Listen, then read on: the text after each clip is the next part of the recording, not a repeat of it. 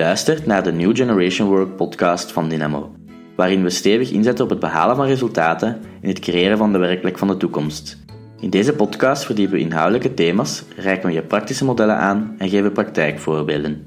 Wij geloven dat je best met kleine stappen jouw New Generation Work verhaal schrijft. We publiceren wekelijks een nieuwe aflevering en hiervoor kan je eenvoudig inschrijven op iTunes.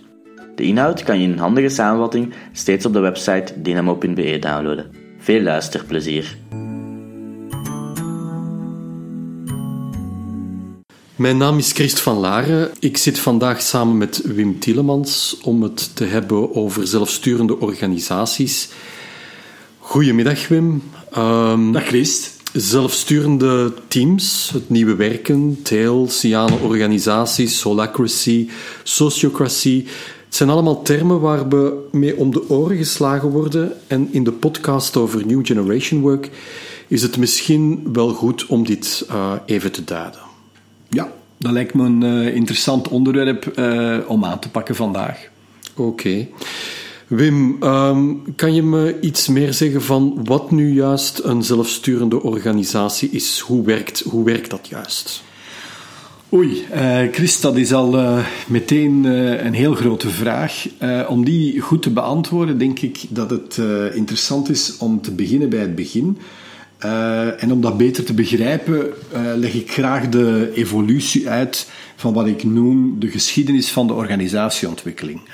De organisaties waar wij stevast nu in werken, die zijn er ook niet zomaar gekomen en die zijn er ook niet altijd zo geweest. Um, ik, uh, ik heb daar een uh, bierkaartje uh, voor nodig, maar dat is uh, voor een podcast wat moeilijker. Dus mensen gaan het visuele misschien moeten nadien, na de podcast, kunnen downloaden. en dat kunnen ze vinden op de website www.dynamo.be, schuine blog. en daar vind je, vind je dan dat. Maar om dat toch even uit te leggen, de eerste stap begin ik ehm, uh, voor de geschiedenis uit te leggen, ongeveer uh, rond de eeuwwisseling 1900. We hebben dan uh, Ford. En Ford heeft een briljante auto gebouwd. samen met zijn ingenieurs. Hij is daar heel enthousiast over. En hij wil eigenlijk die auto op grote schaal produceren. Maar hij heeft daar een andere structuur voor nodig. Um, om die goedkoper te maken is dat samenstellen met die ingenieurs, dat is niet haalbaar. En hij neemt daar een organisatiedeskundige, die tijd Taylor, uh, heeft daarvan gehoord en neemt die onder de arm om eigenlijk uh, iets uit te denken. En Taylor komt af met een voorstel wat eigenlijk de basis gevormd is voor een piramidale organisatie. Wat wil dat mhm. zeggen? Hij heeft eigenlijk uh, binnen Detroit in de buurt, ziet hij dat daar heel veel arbeiders uh, boeren werken die het zout op hun patatten eigenlijk niet verdienen. En hij zegt van kijk tegen Ford, als we die kunnen inschakelen in onze organisatie, hebben we goedkope werkkracht en dan kunnen we eigenlijk die auto in elkaar steken. Wat natuurlijk de reactie gaf voor, uh, van Ford van ja maar dat zijn geen ingenieurs, veel van die mensen kunnen nog lezen of schrijven, hè, dus die moeten we, uh, die moeten we kunnen uh, opleiden. Hoe, hoe, hoe, ga je eigenlijk ervoor zorgen dat die een auto in elkaar kunnen steken? En daarvan is de ingeniositeit van Taylor die zegt: kijk, ik wil eigenlijk een organisatie waar dat die mensen ongeveer een uur verbale uitleg krijgen om een taak te kunnen doen en niet meer. En ze moeten altijd die taak doen en geen andere taken. En hij heeft daar een middenkader voor nodig om die mensen in de pas te doen lopen en aan te sturen, zodanig dat die die taken uitvoeren en dat die taken op elkaar afgestemd worden. En bovenaan die piramidetop zit eigenlijk Ford met zijn ingenieurs, die eigenlijk de denkoefeningen doen. En dus de hele onderliggende organisaties zijn degene die dat de uitvoerende en de operationele organisatiestructuur doen. Dus daar komt eigenlijk die, uh, die structuur van. Oké, er is dus een middenkader dat eigenlijk uh, zorgde voor de instructies naar de werkvloer. Ja. Wat was dan de volgende ja. stap? Wel, dat is, uh, dat is een goede vraag, want daar is eigenlijk het principe gekomen dat het denken en het doen van die, uh, van die in die piramide, dat, die volledig, dat mensen eigenlijk volledig daarin meegaan en dat ze eigenlijk zelf niet gaan nadenken. En dus eigenlijk 50 jaar later zie je dat organisaties ondertussen geëvolueerd zijn en dat zij. Uh, men noemt dat uh, prestatiegerichte organisaties zijn, waar dat gekeken wordt, hoe kunnen we wat we hebben, hoe kunnen we dat altijd verbeteren. in termen van in onze branche, van de opleidingsbranche, is dat daar eigenlijk ons beroep ontstaan is. dus hoe kunnen we leiding geven, gaan vormen, zodanig dat ze beter kunnen instructies geven? Want dat was één van de dingen. In, in het boek van uh, uh, Lalou noemt hij dat type van organisatie noemt hij oranje of prestatiegericht. En de eerste organisatie noemt hij de conformistische of de amberkleurige. Dus dat is eigenlijk daar. Wij zitten op dat moment in die twee typen van organisaties in een economie die eigenlijk nog zeer traag verandert. Maar er komt, als we 50 jaar later weer springen, dan zitten we eigenlijk in een economie. Ondertussen is de PC uitgevonden, is die goedkoop gemaakt en hebben we eigenlijk ook uh, het internet, waardoor de toegang aan informatie, waardoor dat die voor iedereen beschikbaar is. Dat wil dus zeggen dat je niet meer die macht, kennis is macht in de organisatie, dat je niet meer hebt, maar dat mensen ondertussen ook die uitvoerende jobs doen, dat die eigenlijk ondertussen ook geschoold zijn. Veel van die mensen zijn ondertussen zelf goed geschoold genoeg om beslissingen te nemen. En dat is het type van organisatie waar je ontdekt, die nog altijd ook aan het uh, zichtbaar is, of, of, of, waar veel organisaties nog aan het werken zijn, dat is wat genoemd wordt een pluralistische of een groene organisatie, waar dat co-creatie mogelijk gemaakt wordt. Dus bepaalde beslissingen liggen niet meer alleen aan de top, maar men gaat eigenlijk ook mensen die in de uitvoering zitten ook betrekken bij die beslissingen. Oké, voor, voor mij klinkt dat als een organisatie waar wat meer inspraak is. Ja, Heel juist. Hè? Maar het blijft nog altijd dezelfde structuur van uh, top-down beslissingen die je daarin ziet. Hè? Maar ze wordt groener gemaakt, coaching te werk gegaan, uh, co-creatie, dat is wat daar eigenlijk ontstaat. Er zijn heel wat organisaties in België die die structuur hebben, maar die daarom niet verder gaan gaan. Hè? Ik denk aan een. De, klassiek worden de, de organisaties een, een, een Schoenen Torfs of een, of een Colruyt wordt daar genoemd. Hè? Dat zijn dat type van organisaties. Dan heb je heel duidelijk een, sprong naar iets totaal anders. En dat is eigenlijk uh, het toedoen van uh, Lalou in zijn boek uh, Reinventing Organizations. Hij beschrijft daar organisaties en hij geeft die de kleur cyaan of teel. Hè, daar komt die teel of cyane organisatie van. Dat is het appelblauw zeegroen, als je die kleur niet goed kent. Maar dat type van organisaties zijn eigenlijk volledig zelfsturend. En die werken uh, volgens wat Lalou beschrijft, volgens drie principes. Dus die zelfsturing, een heelheid en eigenlijk een evolutief doel. Dus die organisaties zijn helemaal anders gestructureerd dan wat wij klassiek eigenlijk zien. En dat is de uitdaging die vaak mensen die ik tegenkom in het werkveld, die zin hebben om dat soort organisatie te bouwen, Daarin missen zij zelf de slachtkracht of de beslissingskracht om die beslissing te nemen, omdat ze niet de CEO zijn, omdat ze dieper in de organisatie zitten, maar ze willen eigenlijk toch wel graag in die richting gaan. En hier is eigenlijk voor mij wat een tussenstap is, dat is, ik noem dat de transformerende organisatie. En ik geef die de kleur blauw. En dat is het type van organisatie waar men eigenlijk zegt, we willen verder gaan en we willen eigenlijk de contouren van die piramidale organisatie, die willen we eigenlijk herzien. Want we voelen, en dat merk je aan het aantal burn-outs dat je hebt, de stress die toeneemt, dan merk je dat eigenlijk vaak is het de type van structuur, beslissingsstructuur, die ons ongezond maakt, die aanwezig is en waar je eigenlijk een verandering moet kunnen inbrengen. Maar hoe doe je dat? Dat kun je niet van op één nacht ijs doen, maar daar heb je wat tijd voor nodig. Dus daar kun je eigenlijk stilletjes aan een verandering in doorbrengen. Oké, dat klinkt voor mij als een soort van compromis tussen het co-creatieve en uh, ja, de zelfsturende organisatie. Eigenlijk organisaties die uh, het te moeilijk vinden om, om nu al echt zelfsturend te zijn, die kunnen dan eerder voor die tussenvorm optreden. Ja, maar in die zelfsturende organisatie, of zelforganiserende organisatie, want die termen worden vaak door elkaar gebracht, ja, en die worden vaak gebruikt om beter of mensen geen schrik aan te jagen waar men doet. Maar dus in die tussenstructuur ja, kan je eigenlijk een bestaande organisatie gaan veranderen met kleinere stappen, zonder dat je noodzakelijkerwijze een Big Bang ja. doet. Oké.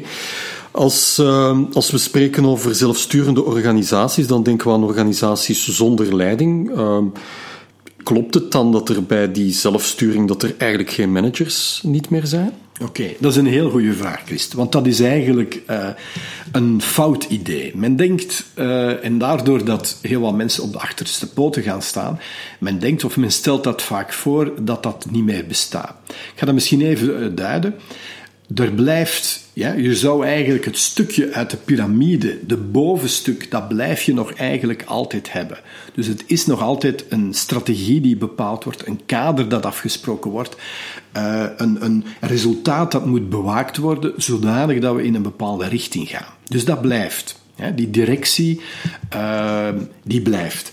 Maar je gaat daarnaast dat middenkader dat gaat een andere rol moeten gaan krijgen. Want wat je in die, in die zelfsturende organisatie doet, is je hebt, um, je hebt eigenlijk het primair proces waar dat die organisatie voor gemaakt wordt. Ja? Stel dat het primair proces is bijvoorbeeld dat je adviesverlening doet. Op het moment dat je adviesverlening doet, dan zijn dat eigenlijk uitvoerende, ik denk maar aan ICT'ers bijvoorbeeld, die uitvoerende projecten doen bij klanten dat zijn eigenlijk uw primair proces. En die hebben, als zij hè, hooggeschoold zijn, die hebben eigenlijk minimale sturing eigenlijk nodig, omdat die zelfsturend eerder als persoon zijn en als uh, opdracht eigenlijk hebben. Dus dat middenkader dat georganiseerd werd om eigenlijk in een bepaalde doelstelling te gaan, dat laat je los en dat steek je eigenlijk in dat zelfsturend team. Dus dat zelfsturend team, heeft die middenmanager niet meer nodig. En dat krijgt van de organisatie, van de, de directie, laat het mij zo noemen, dat krijgt wel een kader. Dus die directie is wel verantwoordelijk om dat kader aan te geven waarbinnen zij kunnen tot beslissingen komen en waarbinnen zij kunnen functioneren. Dus die manager die middelmanager van vroeger, die alleen maar controle en functioneringsgesprekken deed en dat soort dingen, die gaat eigenlijk weg en die wordt opgenomen terug in het zelfsturende team. En het topkader of de directie, die dat de kaders uitzet, dat is nog wel nodig. Ja? Mm -hmm. Je zou eigenlijk die manager kunnen zien als een bewaker van de verantwoordelijkheid. Dus elke okay. directie heeft een bepaalde verantwoordelijkheid en die zorgt dat die met die verschillende zelfsturende teams die verantwoordelijkheid behaalt. En daar heeft dat team een zeker nood aan. Een zeker nood om zelfsturend te kunnen optreden, moet je bijvoorbeeld informatie zelf kunnen um, beoordelen, maar dan moet je ook die informatie krijgen. Je moet eigenlijk goed weten wat zijn de, wat zijn de verschillende kaders uh, die, die aangereikt worden, uh, waarin dat bijvoorbeeld die productiviteit die ze zelf moeten beheren, waarin dat ze dat kunnen samen beslissen wat dat dan precies is. Maar ze hebben geen schoonmoedermanager die eigenlijk hun vertelt hoe ze dat moeten doen. Dat beslissen ze eigenlijk in dat zelfsturend team. Uh, in consensus beslissen ze dat. Oké. Okay. Is dat helder zo, waar dat die manager uh, nog zit? Manager, uh, directie en waar ja, dat die eigenlijk verdwijnt. Lijkt me, lijkt me wel helder, maar ik, ik stel me toch de vraag van om van een team van um, hiërarchische aansturing naar zelfsturing uh, te komen, lijkt me toch dat er een, een redelijk grote inspanning voor nodig is. Dat het toch wel een vrij structurele ingreep is in een, in een organisatie. En mijn vraag is dan, hoe, hoe begin je daar dan aan? Hoe doe je dat eigenlijk? Hoe pak je het aan? Ja. Um, hoe begin je daaraan? Uh, dat is... Uh, uh, ja, dat is eigenlijk altijd een beetje de kip en het ei. Waar begin ik mee? er zijn organisaties waar het begint met een CEO die eigenlijk een helder moment heeft en die zegt van kijk, ik wil de organisatie zelfsturender krijgen omdat ik op een of andere uiteenzetting gemerkt heb of gehoord heb dat zelfsturende organisaties, niet tegenstaande dat zij zelfsturing toestaan, dat ze eigenlijk qua resultaten vaak in hun sector veel beter presteren, omdat daar een stuk efficiëntiewinst is. Al het soort interne communicatie dat vroeger nodig is, dat wordt eigenlijk allemaal weggewerkt en dat wordt gelegd binnen in de teams. Ja, dus dat kan een held zo een ontstaan zijn, maar als u als luisteraar niet in die positie bent, ja, om als CEO die stap te zetten, dan kun je eigenlijk op een andere manier uh, gaan, gaan starten. En dat is bijvoorbeeld door wat wij noemen uh, het New Generation Work elementen, daar dingen gaan toe te passen. En dan denk ik bijvoorbeeld aan uh, job- en teamkraften om dat te gaan, gaan doen. Het lijkt me dat om een team van hiërarchische aansturing naar zelfsturing te brengen, uh, dat daarvoor toch een grote inspanning nodig is. Uh, hoe doe je dat? Hoe begin je eraan? Um, is dat via opleiding of. Um, ja, ja, vertel het mij. Ja. um, dat is een heel goede vraag. Ik zou eigenlijk zeggen, dat spreekt misschien tegen mijn winkel, maar ik zou eigenlijk zeggen niet in de eerste plaats via opleiding. Uh, omdat je kan dan uren en uren en dagen en dagen in opleiding steken en nog niet een stap verder zijn. Het is, je kunt het vergelijken zoals uh, zwemmen. Je moet eigenlijk gewoon in dat bad springen. Je kunt wel een stukje instructies krijgen, maar er is eigenlijk iemand naast jou die je redt als je eigenlijk de dieprik in zou gaan. Dus, dus dat is een beetje het beeld dat ik meegeef.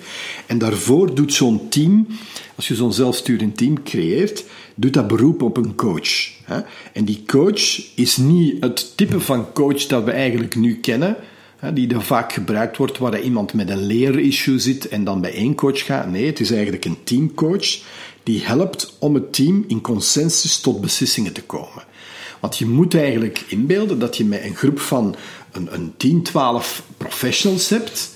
En het model is eigenlijk bedoeld om die professionals meer, regelruimte te geven.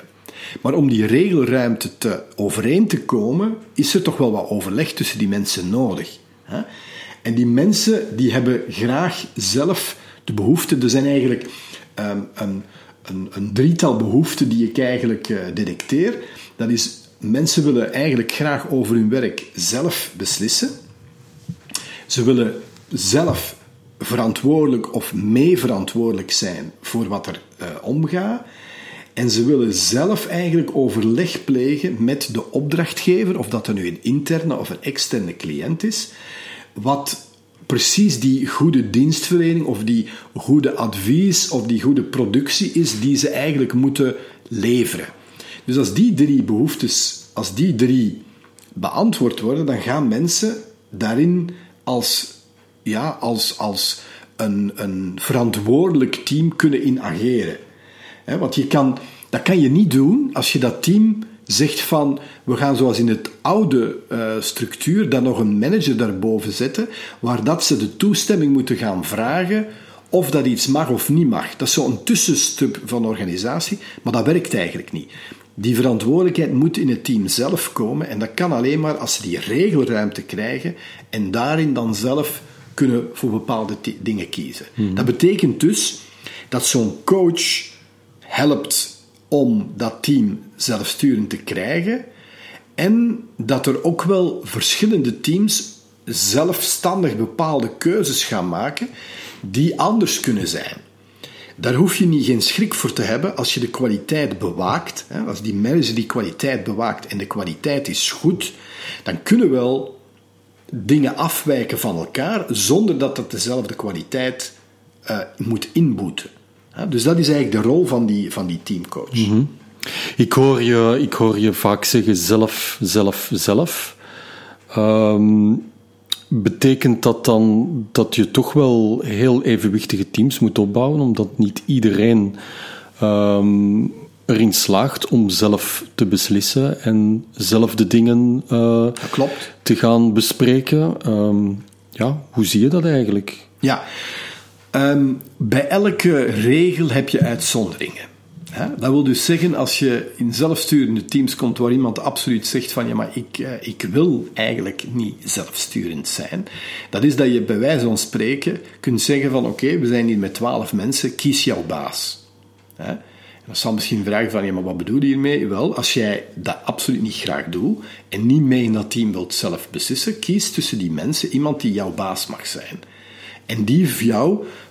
Iemand die je coacht dan eigenlijk? Mm, coach is... Ja, maar ik hou dat woord coach, want anders ga je de dingen door elkaar. Nee, die je eigenlijk zegt van, kijk, we hebben in dat zelfsturend team hebben beslist dat deze en deze stappen wij gaan doen en ik geef jou die instructie. Dat klinkt heel raar, maar dat is een oplossing die, uh, en een, een, oplossing die, die haalbaar is voor als je dit voorkomt. Hmm. Maar niet iedereen, en dat is de realiteit, niet iedereen gaat die stap zetten. Want het is misschien door die vraag te stellen dat mensen tot de conclusie komen: ja, maar dat wil ik eigenlijk ook weer niet. Is daar ook geen rol weggelegd voor de personeelsdienst? Want ik, ik weet niet wat, wat de personeelsdienst in, in dat zelf, die zelfsturende organisatie nog als rol kan opnemen. Dat is, een, uh, dat is ook een heel goede vraag, uh, Christ. Uh, ik, alle staffuncties van vroeger, die waren eigenlijk oorspronkelijk opgericht omdat zo'n manager of zo'n CEO, dat die niet van alle zaken de specialisme kennis had. En dus zo'n personeelsdienst is oorspronkelijk ontstaan omdat alles wat bijvoorbeeld het wettelijke is of het loonkader, dat zij dat bewaakten. En dat zij als staffunctie advies gaven aan de leiding om dingen uit te voeren. Wel, die kerntaak die is nog altijd aanwezig. En dat is net zozeer ook bijvoorbeeld voor als het gaat over juridisch advies. Je gaat niet plots in die zelfsturende teams die mensen al die kennis gaan bijbrengen, want dat is, dat is een onbegonnen zaak en dat zou geen goed idee zijn. Maar het verschil is dat de staffunctionarissen, wanneer er nood is aan een advies, dat het zelfsturend team een beweging doet naar hen toe om te zeggen: kijk, dit is voor ons onduidelijk. Kun je ons advies geven over hoe we dat moeten doen? Wat niet is, en dat is iets dat we veel personeelsdienst zijn beginnen doen, is dat zij naast een adviserende functie ook een zekere sturende functie zijn gaan uitvoeren. Ze zijn eigenlijk ook in de organisatie gegaan om te zeggen van wij moeten het zo en zo doen en wij zeggen dat jullie het zo en zo moeten doen. Dus die rol is niet meer weggelegd voor HR. Wel om advies te geven over zaken waar dat onduidelijkheid is. Dus dat is de, de, de kern van de staffunctie. Oké. Ehm, ja, ik, ik, klinkt allemaal goed, Wim. Ehm, het enige wat, waar ik nu aan denk van, stel dat ik nu morgen naar mijn baas toestap en ik zeg van, ik wil wel beginnen met een, de eerste stappen te zetten naar zo'n zelfsturende organisatie. Ik kan me niet direct inbeelden dat hij gewoon direct ja zegt. Um, denk dat ook niet. Dus misschien toch eens kijken, wat, wat kan ik al doen voordat de beslissing om met een zelfsturend team te beginnen of een zelfsturende organisatie. Wat kan je al doen om toch in die richting te bewegen, om toch al het gevoel te hebben, we zetten kleine stapjes in de goede richting? Ja. Ik, ik, uh, ik maak daar uh, het vergelijk mee als je beslist om de marathon van Brussel te gaan lopen. Wel, dat is fijn, maar je gaat dat niet morgen meteen kunnen lopen. Dus als je zelf denkt van de organisatie waar ik in werk, die gaat op termijn, wil die overleven, toch wat meer in die richting gaan gaan. Als je dat inzicht eigenlijk al hebt, maar niemand doet die beweging, dan kan je eigenlijk al zelf beslissen. En eentje daarvan is, uh, is de beslissing om bijvoorbeeld jobcrafting en teamcrafting te gaan toepassen. Um, maar dat is eigenlijk een, een, stof, denk ik, voor een uh, andere podcast. De volgende podcast die we, die we gaan bekijken. Die gaat over jobcrafting, wat dan een individueel boetseren is en daar zelfsturend in te zijn, maar dan van je taak. Of teamcrafting gaat een stapje verder, het woord zegt het zelf. Dat is eigenlijk het boetseren van niet zozeer uh, wie dat wat doet, maar in het team zorgen dat alles gedaan wordt en dat we daar zelfsturend in zijn. Dat is een ideaal moment. Dat is niet het dagdagelijks als zelfsturend team gaan opereren, maar wel eens tijdelijk even kijken naar de herverdeling van het werk. Ja, maar daar gaan we een volgende podcast uh, over doen. Ik denk dat we okay. al... Uh, Klinkt goed. goed. Ja? Um, ik kijk er naar uit, want Um, ik heb wel zin om, om te starten met zo'n zelfsturende organisatie. Dus uh, ik kijk uit naar de eerste stapjes die we kunnen zetten. Okay. Dankjewel, Wim. Goed, dankjewel, Chris.